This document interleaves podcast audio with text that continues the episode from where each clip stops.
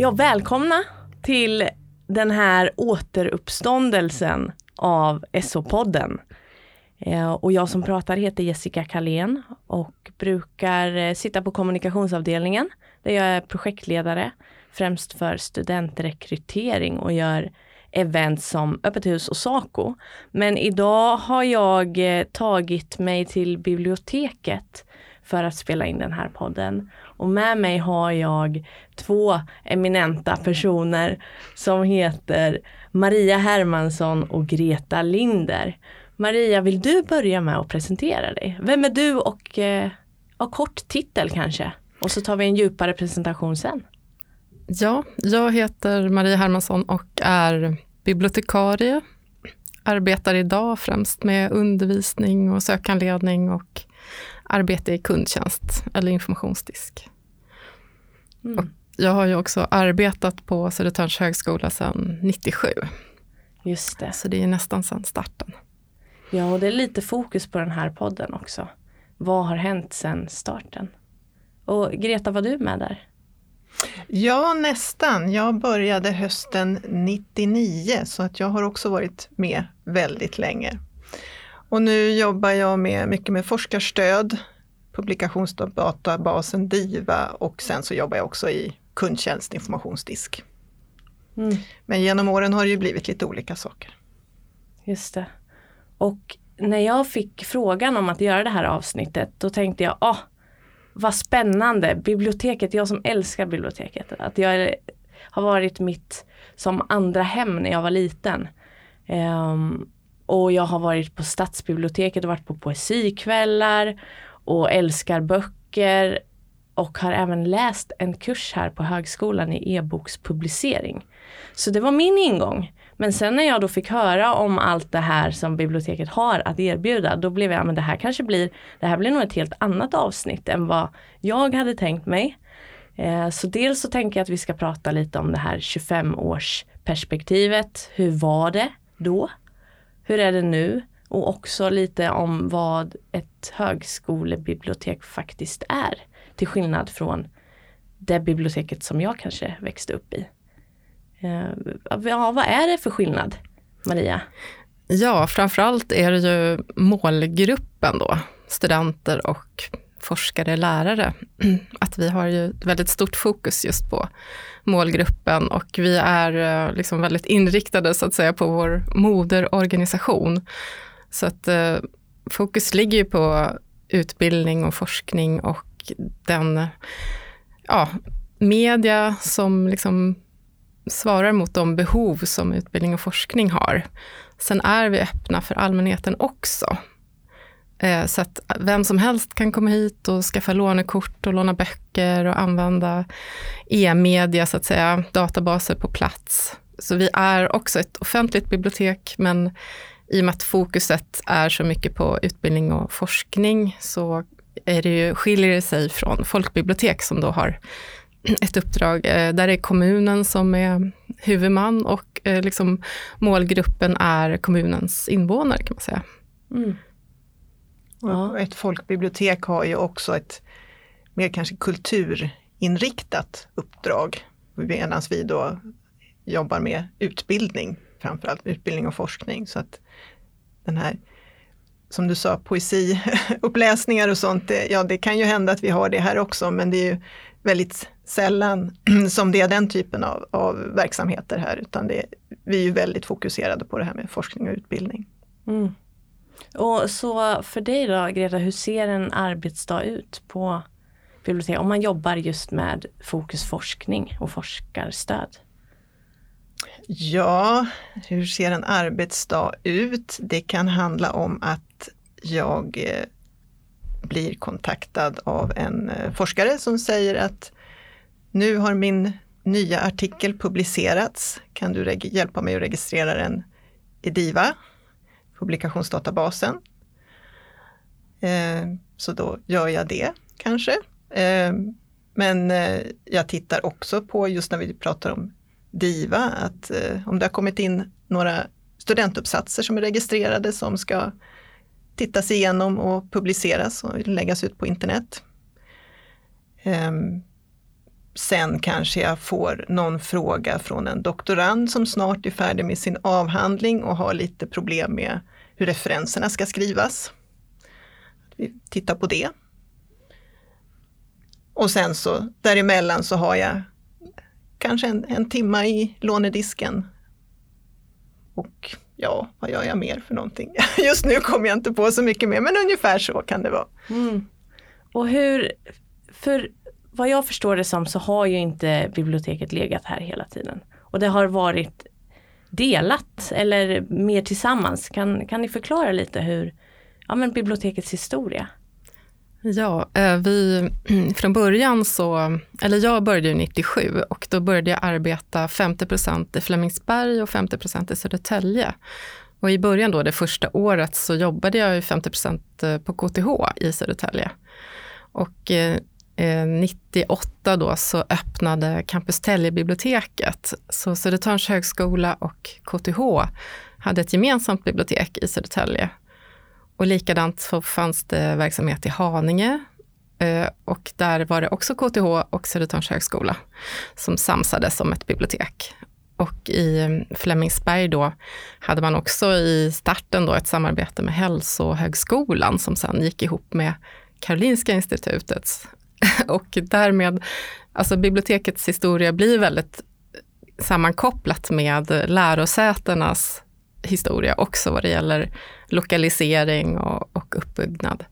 Mm. Eh, men i Södertälje då så började vi från scratch kan man säga. Vi hade liksom, det byggdes eh, nytt, så att säga, eller det byggdes om i en eh, grundskola, Mariekällskolan. Och där låg biblioteket då i som ett vad ska man säga, ljusgård. Så att man delade av den här ljusgården med en glasvägg så det var en väldigt central placering och Ehm, i, precis i början fanns också lärarhögskolan faktiskt, men de flyttade ut ganska snart. Så vi fick överta också böcker från lärarhögskolan då. Um, och det var ju lite mindre, det var ju kanske ett hundratal lärare och i början kanske 1500 studenter. Jag tror som max blev det väl 2000 studenter då från båda lärosätena. Men det var ju verkligen eh, i början där en eh, uppbyggnadsfas. Så vi hade ju liksom all eh, service som ett bibliotek ska ha, så att säga. Och i början då så fokuserade jag också på KTH och Greta fokuserade på Södertörns högskola. Så vi hade också lite uppdelning där vad det gäller både förvärv och undervisning. Mm. Men det, ja. Hur många var ni då som arbetade där? Första året då, alltså vi öppnade ju i augusti 98, så att första året var vi bara två personer och det var ju ganska kämpigt. Mm. Vi hade öppet från nio till sex och från fyra till sex hade vi hjälp av studenter då. Men annars det var ju väldigt eh, mycket att liksom både bygga upp verksamheten och bemanna biblioteket. Och sen så småningom blev vi tre, så Greta kom till.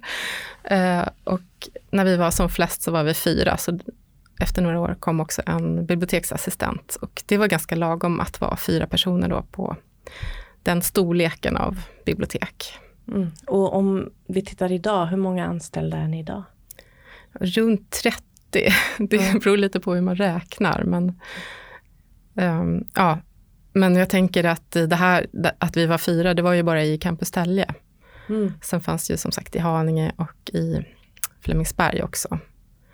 Så att biblioteket hade ju, precis som högskolan, en, en liksom uppbyggnadsfas de första året, åren när man expanderade ganska kraftigt, anställde ny personal, byggde upp samlingarna.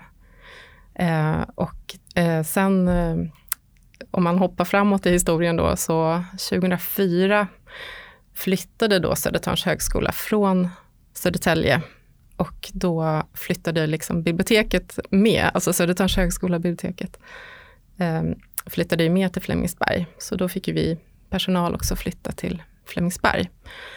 Så det här var ju också en process då att liksom packa ner alla böcker, ändra i katalogen och eh, ja, flytta till Flemingsberg. Och, så att jag började i Flemingsberg från och med 2005, alltså årsskiftet där 2004-2005. Mm. Ja, Greta, kommer du ihåg din första dag? Ja, Det gör jag, för jag började nämligen första september. Och jag kan säga att då hade terminen redan startat. Det var inte världens bästa dag att börja på. Och framförallt så kommer jag ihåg min andra dag, som var en fredag. Eh, jag hade mest gått bredvid och fått lite information första dagen.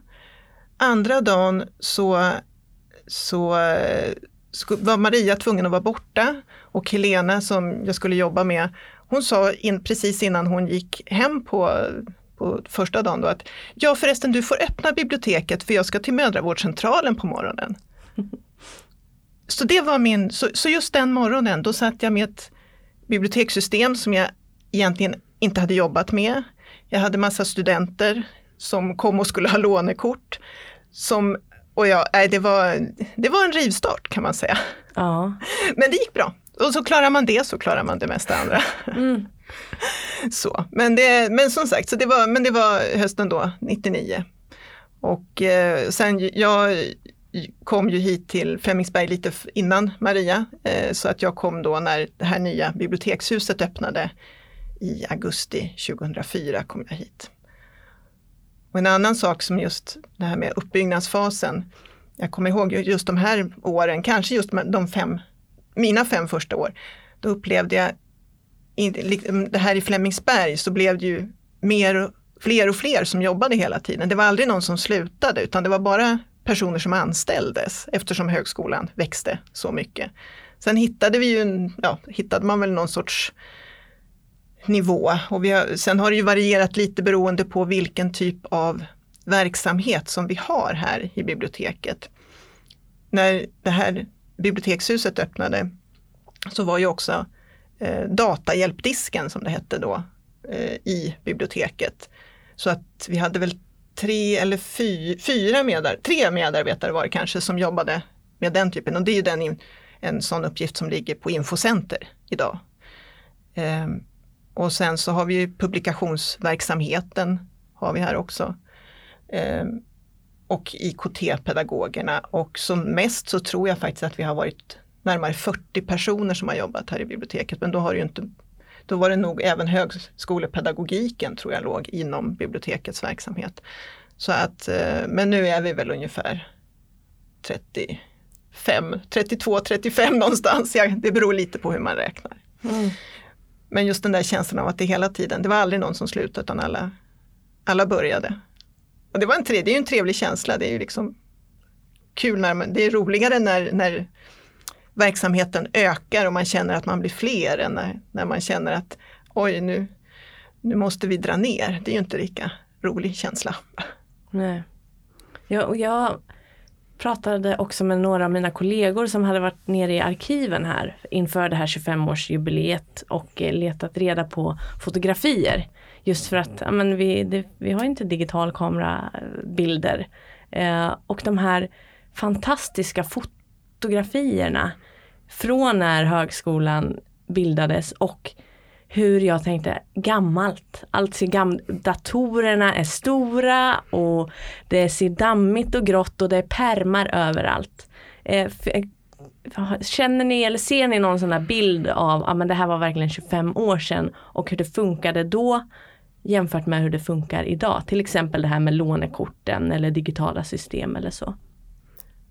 Absolut, jag tänker på till exempel tidskrifter. Vi hade ju ganska mycket papperstidskrifter men det har ju verkligen minskat. Nu är det liksom en rännil med papperstidskrifter jämfört med i starten. Så att det mesta, de mesta är, eller de mesta tidskrifter är elektroniska tidskrifter idag. Eh, så det är en stor förändring och idag har ju alla studenter en egen dator. Mm. Men det är ju en, eh, tror jag, en lite pandemieffekt. Så att före pandemin upplevde jag, när jag hade undervisning då, att Eh, Eh, det kanske var hälften som hade egen dator och hälften använde dator i salen. Då. Men nu har liksom alla egen dator med sig. Så den här, det här med säga, datorisering, det är ju inget nytt, men det är ändå någonting som har under lång, den här 25-årsperioden så är det ju en förändring. Eh, det här, om man pratar lokaler till exempel, att vi har sett till att det finns eluttag precis överallt, så att man kan ladda sin dator och så vidare. Så det, det, har ju haft en väldigt stor påverkan på biblioteksverksamheten. Mm. Jag tänker att de här tidskrifterna måste ta otroligt mycket plats. Ja, det, det tog ett otroligt mycket plats. Och det var ju också ett problem så att det, det är ju sånt som vi har ja, som gallrat som vi säger och slängt, ja. kanske man säger på vanlig svenska.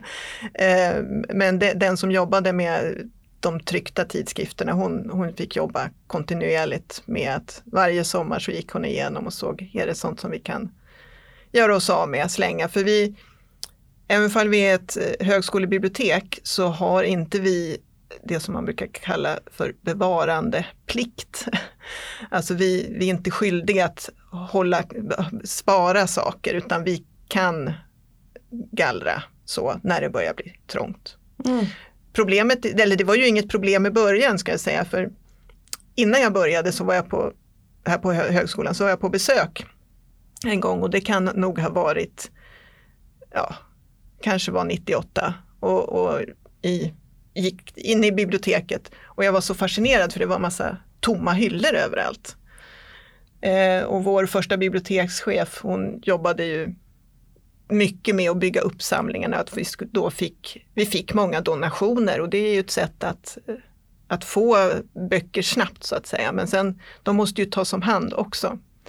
Så att vi fyllde hyllorna på det sättet plus att det var väldigt mycket kurslitteratur givetvis. Men nu, nu, har, vi ju, nu har vi ju hittat ett Ja, nu har vi fått ett lagom bestånd som vi kallar det för, alltså vi har lagom mycket böcker. Så nu är det återigen det här att ja, men nu, nu har vi inte mer utrymme så köper vi in böcker så måste vi kanske göra oss av med böcker också som inte används. Men vi är ju inte skyldiga att spara böcker på det sättet som Kungliga biblioteket är till exempel. Eller även, ja, vad är det, det är Lunds universitetsbibliotek som är det andra eh, biblioteket i, i landet som är skyldiga att spara saker. Så att eh, så vi kan, vi kan göra oss av med saker och det, det märker de som besöker oss också. Vi har ju en hylla som står i entrén där det står gallrade böcker som man får ta hand om och då är det överexemplar av gamla kursböcker och sådär som vi ställer ut. Ja, jag tänkte, jag brukar gå förbi den där och så ser man någons avhandling och så jag känner nästan lite så här sorg i hjärtat. Ja. Var, varför, varför hamnar böckerna där? Vad är det för liksom kastkriterier? Ja, nej men ibland kan det vara eh, som sagt, när det är böcker som inte längre är kurslitteratur, då vi, kurslitteratur köper vi ju in flera exemplar av. Det kanske har kommit en ny upplaga eller ja, de har inte använts som kurslitteratur på länge. Då sparar vi bara e, en bok, in ett exemplar och de övriga ställer vi undan för vi behöver ju som sagt platsen nu. Eh, men sen kan, det, sen, kan det vara, sen kan inte jag riktigt var vi har Eh, kriterierna för det som är registrerat som vi plockar bort från hyllorna. Men det handlar ju om att det är dels att det är hyllor där det är trångt, att vi har mycket annan litteratur och att just de här titlarna inte lånas ut på x antal år. Jag törs inte svara på hur många år det handlar om. Mm. Och sen det, det görs ju hela tiden en bedömning att ja, finns boken bara på något annat ställe i landet så kanske vi sparar den men Gör den inte det, så, eller finns den på många ställen så kanske inte vi behöver ha kvar den om den inte lånas ut hos oss. Men det där du sa om avhandlingar, det kan också vara att vi, våra egna böcker eh, som ges ut här av högskolan, de, vi skyltar ju lite med dem på en del ställen och sen när, man, när de har stått där på skylthyllan för avhandlingar kanske något år och börjar bli lite dammiga och så och behöver, vill sätta upp en annan avhandling där, då kan vi inte sälja det exemplaret för det ser inte så roligt ut så då sätter vi dem också där. Mm. Ja. Och, ett annat skäl att gallra en pappersbok kan ju vara, vara då att den finns som e-bok också.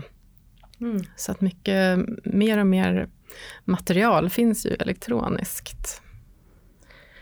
Ja, och om man tittar då framtidsspaningen. Nu har vi, nu har vi gallrat pappersböckerna och tidskrifterna och det blir allt fler elektroniska böcker och e-böcker.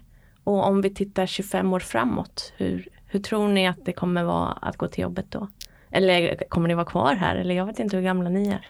Vad, vad gör 25 ni? år, då har jag, så länge hoppas jag att jag inte behöver jobba men några år till blir det ju. Men om jag arbetar kvar här då, eh, vad, vad kommer jag förvänta mig? Ja. Vad förväntar jag mig? Ja, precis. Alltså jag tänker på det här med automatisering eller att man liksom artificiell intelligens. Det finns ju många yrkesgrupper som är lite hotade som kan ersättas då av en robot eller artificiell intelligens. Och man kan ju också säga att vi på något sätt jobbar också mot att eh, studenter och lärare och forskare ska klara sig själva så mycket som möjligt. Så på ett sätt jobbar vi ju mot att plocka bort oss själva. Men, men vi har ju fortfarande ett, ehm, just det här vägledande uppdraget. Att liksom vägleda studenter och lärare och forskare att söka information, att hitta det de söker, det här med informationsförsörjning. Liksom se till att det finns, det, det material man behöver finns tillgängligt. Så att eh, liksom, även om internet och det finns väldigt mycket tillgängligt över internet så är ju inte allting gratis, utan man måste ju fortfarande prenumerera så att säga på ja, tidskrifter och databaser och så. Så att det här tillgängliggörande arbetet måste ju fortfarande göras av någon. Liksom.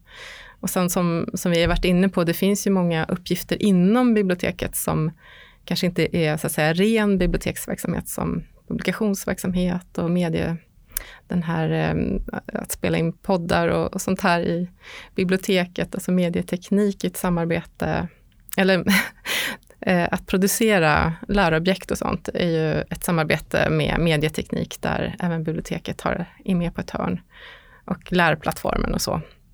Men vad det gäller eh, biblioteket så tror jag att biblioteket som rum kommer fortfarande att behövas just att det, det är mycket studenternas arbetsplats.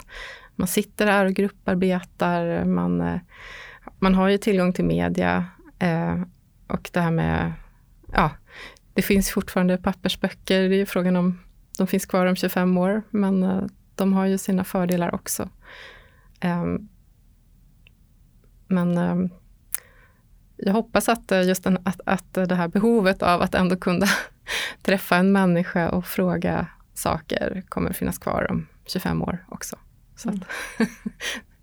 det, det, kan jag tänka mig är liksom argumentet för att ha kvar bibliotek. Att man har rummet, att man har tillgängliggörandet och den här mänskliga liksom, vägledningen av andra människor. Mm. Vad fint. Jag kan tänka mig, eller lite bakåtblickande, även för att blicka framåt, det är ju att någonstans där när, när de, alla de här e elektroniska tidskrifterna kom och man började prata om e-böcker så trodde man att det skulle gå så fort. Att den här diskussionen kanske skulle vara varit för redan för tio år sedan att ja men, nej men vi kommer inte behövas och så vidare. Men, men ibland går inte, vissa saker går fortare än man tror eller behöver en knuff på något sätt. Och pandemin har ju gjort att det här med ja, det digitaliserade och distans arbetet och distanshandledningen som vi pratar om många gånger, den, den har ju liksom fått en knuff nu och vi, vi försöker ta det bästa av det hela. ja, men det, här, det här kan vi vara bra att fortsätta med. Det, det är ganska praktiskt att ha vissa typer av handledning via Zoom till exempel. Ehm, men samtidigt så märker vi att ja, studenterna kommer ju tillbaka, de vill ju ha rummet. Rummet behövs ju. Och sen kan det ju vara så att under den här perioden det är några som har upptäckt att ja men det här med elektroniska böcker funkar faktiskt ganska bra. Men det är en teknik att kunna läsa en elektronisk bok också. En, en artikel i en kortare text, det, det funkar ju. Det tror jag nog att de flesta är ganska nöjda med att man kan ha dem elektroniskt och det är ju oftast inget problem att skriva ut dem. Men böcker så, så måste man liksom vänja sig vid och hitta en teknik hur man ska göra. Och det finns nog sådana, eller finns nog användare som aldrig kommer liksom vänja sig vid eller vilja vänja sig vid elektroniska böcker. Så att de tryckta böckerna behövs ju fortfarande också för, för vissa användare helt enkelt som och, och, vissa typer av, av böcker gör sig inte heller i elektronisk form. Mm. Så att eh, ja, ja, det ska bli lite spännande att se vad som händer, liksom, hur det ser ut det närmaste året om man jämför hur det var före pandemin om man, liksom, om man nu kommer ihåg det, man blir lite årsvill av, förvirrad av den här pandemin. Men eh, att eh, vissa saker kommer, ja, men vi, man pratar mycket om det här nya normala, ja vad blir det nya normala? Ja, det, det, det, det, kommer inte bli som det var innan. Och vi har, för vi har lärt oss många saker som vi kan utnyttja tid och, och rum på ett bättre sätt. Mm. Men eh, jag tror inte att de tryckta böckerna försvinner. Jag tror inte att de försvinner på 25 år heller, inte ens på den här typen av bibliotek. Jag får också upp en bild i huvudet nu om den här bibliotekarien som, som går in och säger Shh, eh, Finns den? Har ni varit den någon gång? Ja. ja, ja, vi, har ju, vi går ju faktiskt rundor i biblioteket men eh, jag tänker det är väldigt sällan som jag upplever att jag måste säga till. men det kan ju hända att, folk, äh, att man är väldigt högljudda. Vi har ju ett väldigt öppet bibliotek. Ljud hörs och liksom transporteras i, väldigt lätt i rummet. Så att man kan kanske behöva säga till om en grupp pratar väldigt högt. Mm.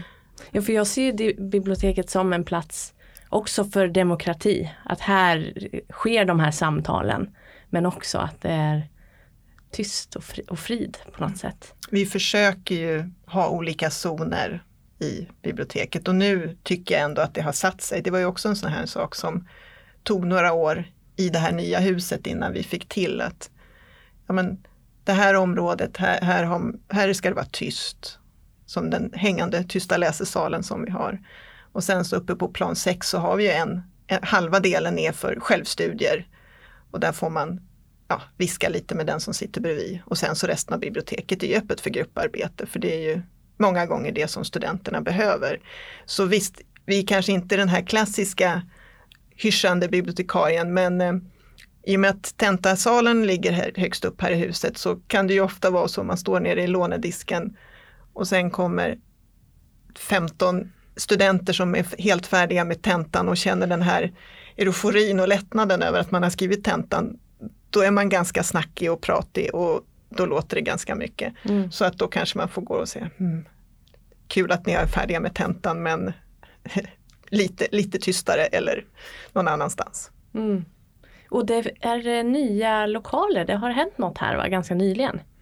Ja, på plan 7 har vi öppnat upp en ny miljö för studenter där man kan eh, grupparbeta. Det finns två grupparbetsrum, det finns också grupparbetsplatser och fåtöljer där man kan läsa. Och det finns också en undervisningssal eller seminariesal.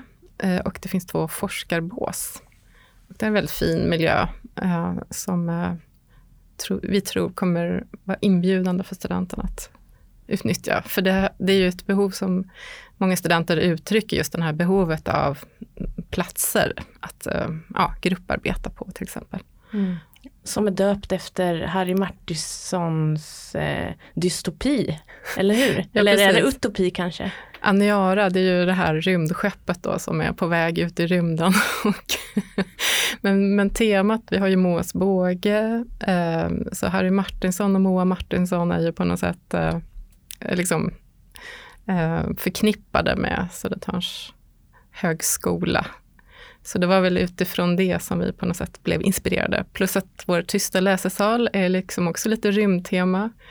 Är det Star Trek eller? Ja. Star? Alltså de här, man, konstnären som designade det här hade liksom Star Trek som... Mm.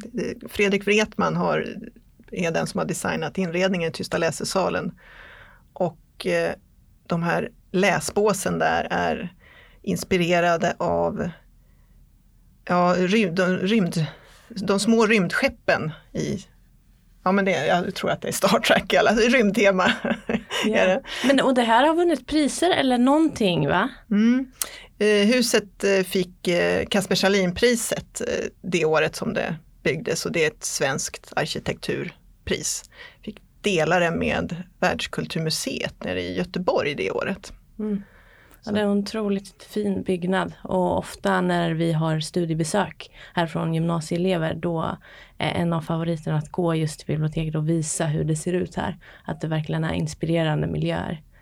Um. Det är ju väldigt viktigt tänker jag att man har en vacker luftig miljö. Det är väldigt spännande hus med mycket så glas och betong. Man kan liksom se genom huset mellan olika plan. Och jag tror att eh, till exempel Tysta läsesalen, där, där kan man sitta och ändå ha överblick över eh, de som kommer in på entréplan till exempel. Så det, det, är väldigt eh, spännande på det viset att man har den här rymden och sikten genom huset och liksom det här, de här materialen då. Liksom, att det är väldigt genomtänkt. Och eh, vid invigningen kom jag ihåg att man pratade om att det här var eh, liksom ett bibliotek lite att gå vilse i. att man, eh, ja men liksom att man, vi har ju fyra trapphus och eh, ibland kanske man kan ha svårt att orientera sig i det. Eh, men det är lite så här spännande på det viset. Att det... ja, jag, nu när jag är här så känner jag att jag ska nog vara mer här.